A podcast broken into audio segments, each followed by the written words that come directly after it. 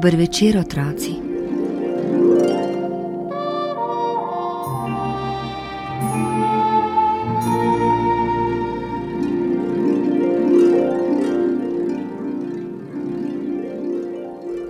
Vsi sanjamo, pa če tudi je zunaj zima, da bi se odpravili na kakšno potovanje, male počitnice. In tako je bilo tudi v družini Miškecovih, ki jo v svojih pravljicah opisuje pisateljica Tončka Stanonik.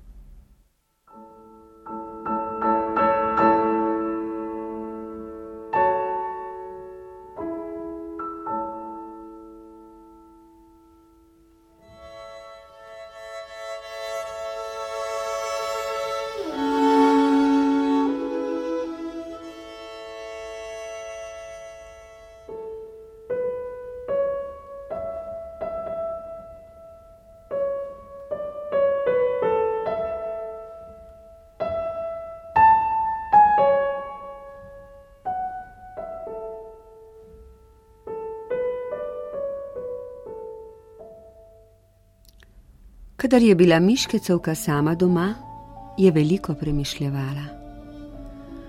Pravzaprav je nekoč začela premljevati svoje življenje. Pravzaprav, zakaj pri nas nikoli ne gremo na počitnice?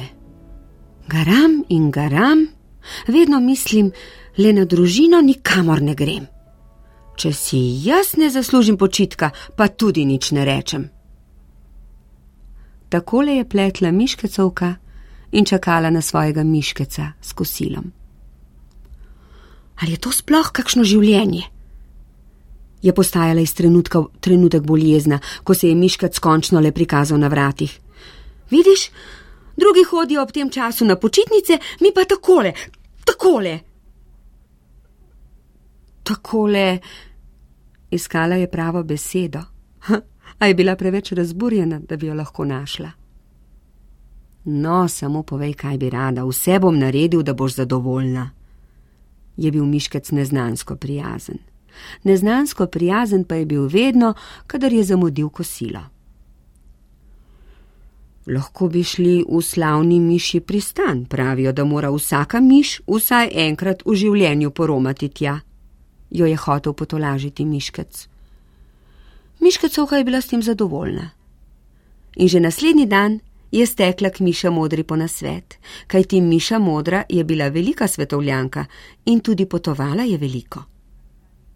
Miškec, ta revež, ki je bolj kot vse na svetu rad prebiral notranjo politiko in s prijatelji kritiziral državo, pa je tisti teden hodil okoli precej potrt.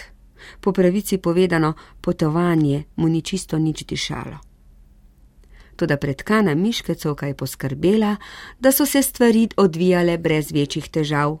Z Miša modro sta odšli na potovalno agencijo, kjer je Miškecovka kupila vozovnice. Pri priči se je znebila vseh prihrankov in pred vsemi drugimi strankami tarnala, kako je danes denar malo vreden. Miša modra jo je na vso moč suvala v prednjo desno tačko in ji namigovala, da se tako čvekanje veliki dami ne spodobi. Sej ni treba, da vsi vedo, da greš prvič na potovanje, jo je poučevala, ko sta šli domov. Tako je veselo zaokrožila Miškecovka in se ni pustila zbegati izkušeni svetovljanki. Na pot gremo v sredo. Peljali se bomo po oski miši luknji z razkošnim katamaranom Miši Princ. Veliko bolj varno bo, kot če bi potovali po kopnem, in manj verjetno, da bi naleteli na mačje ali človeške pasti. Nobene carine, nobenih dajatov, veš, miškac? Miša mala ni čakala, da bi mama do konca pojasnila načrt. Brž je stekla v svoj rov in potegnila iz njega vso mišjo na vlako, ki je bila tisti čas v modi. Miškec pa je v svoj časopis naredil na mestu, kjer je pisalo sreda stačko prasko, in stvar je bila zanj urejena. Vse preostale dneve se je precej zadrževal z doma. Ni maral motiti miškecovke pri pripravi za pot. In miškecovka, ki se je daleč naokoli štela za najbolj vestno gospodinjo, se je potovanja res lotila s pravo mišjo Nemo. Napekla je toliko peciva, polpetkov in bedrc, da se je na potovanju miškec ustavil že za tretjim rovom.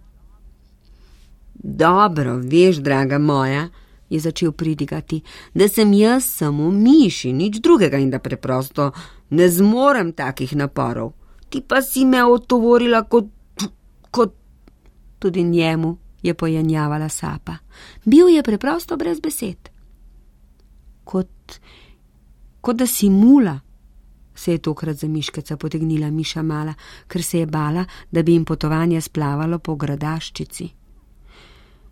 Če misliš, da je tako hudo, bi pa najprej malo pojedli, je začela popuščati tudi miškecovka. Morda v mišjem pristanu za hrano sploh ne bo časa? To pa to. Od tega čudovitega predloga so miškecu kar same od sebe poskakovale brčice. Je, če je pa tako rad jedel. Tale njegova miškecovka pa si nikoli ni vzela pravega časa, da bi mu pripravila kaj zares imenitnega. Pa so se lepo usedli za uvinkom pete luknje in pospravili dve malhi dobrot. No, to bo pa že šlo, se je odahnil miškec. Zdaj, ko je imel poln želoček ženkinih specialitet, je nenadoma postal zelo dobre volje. Ampak, dragi moji, miškecovi so popolnoma pozabili na čas. In ko so prišli na breg oske luknje, je prvorazredni katamaran že odpeljal. Čakati so morali tri ure, da je priplul čisto navaden čovn za manj imenitne potnike. Mlade miši so divjale sem in tja in se zabavale s svojimi repki, miškecovi pa so se usedli v kot čovna in se precej kislo držali. Zdi se mi, da ne bomo imeli mirne vožnje, je oprezno pripomnil Miškac. Začelo je pihati in čovn se je precej bolj zival, kot bi bilo za prijetno potovanje potrebno. Kar tiho bodi, ga je zavrnila Miškacovka. Če ne bi bilo tvojega tarnanja, bi bili že tam, vedno mi vse pokvariš. Kako radodarna je postala z očitki čovn pa se je že tako zibal, da so celo najbolj kričave miši utihnile. Vse se je v hipu spremenilo. Prej so natakari skakali okoli s kodelicami kave, zdaj pa je bilo vse naokrog videti samo še vrečke. In velik val je pometel vse potnike v kot krova. Tam so vzdihovali in nič ni kazalo, da bo nevihta kmalo mimo. Po nekaj minutah vožnje je kapitan obrnil čovn. Dejal je, da si ne sme dovoliti tveganja. Njegova prva skrb so življenja cenjenih potnikov. Jej, je res tako hudo? Je miškecovka z velikimi preplašenimi očmi milo strmela v miškeca. Potegnila k sebi miša malo, ki se je zvijala od bolečin v trebuščku, ter se vsa predala miškecovim varnim tačkam od strahu pa so ji vse čas tekle po smrčku debele solze. S povešenimi repki so se miši potem počasi in disciplinirano pomikale po lestvi na kopno. Brez hrupa so se rašle vsaka na svoj konec. Miškecovka se je doma brž spravila v posteljo, bila je tako zdelana, da ji nobena zmerljivka ni prišla več iz gobčka, preprosto bila je na tleh.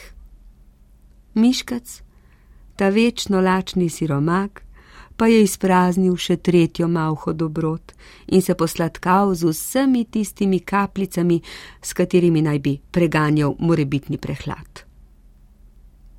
Vsaka stvar je zakaj dobra, je modroval sam seboj. Enkrat v življenju sem se pošteno najedel. Pa še to sem ugotovil, da sem za miškecovko in Miša malo prav zares nepogrešljiv. Miši pristan, pa si bomo lahko ogledali tudi kdaj drugič.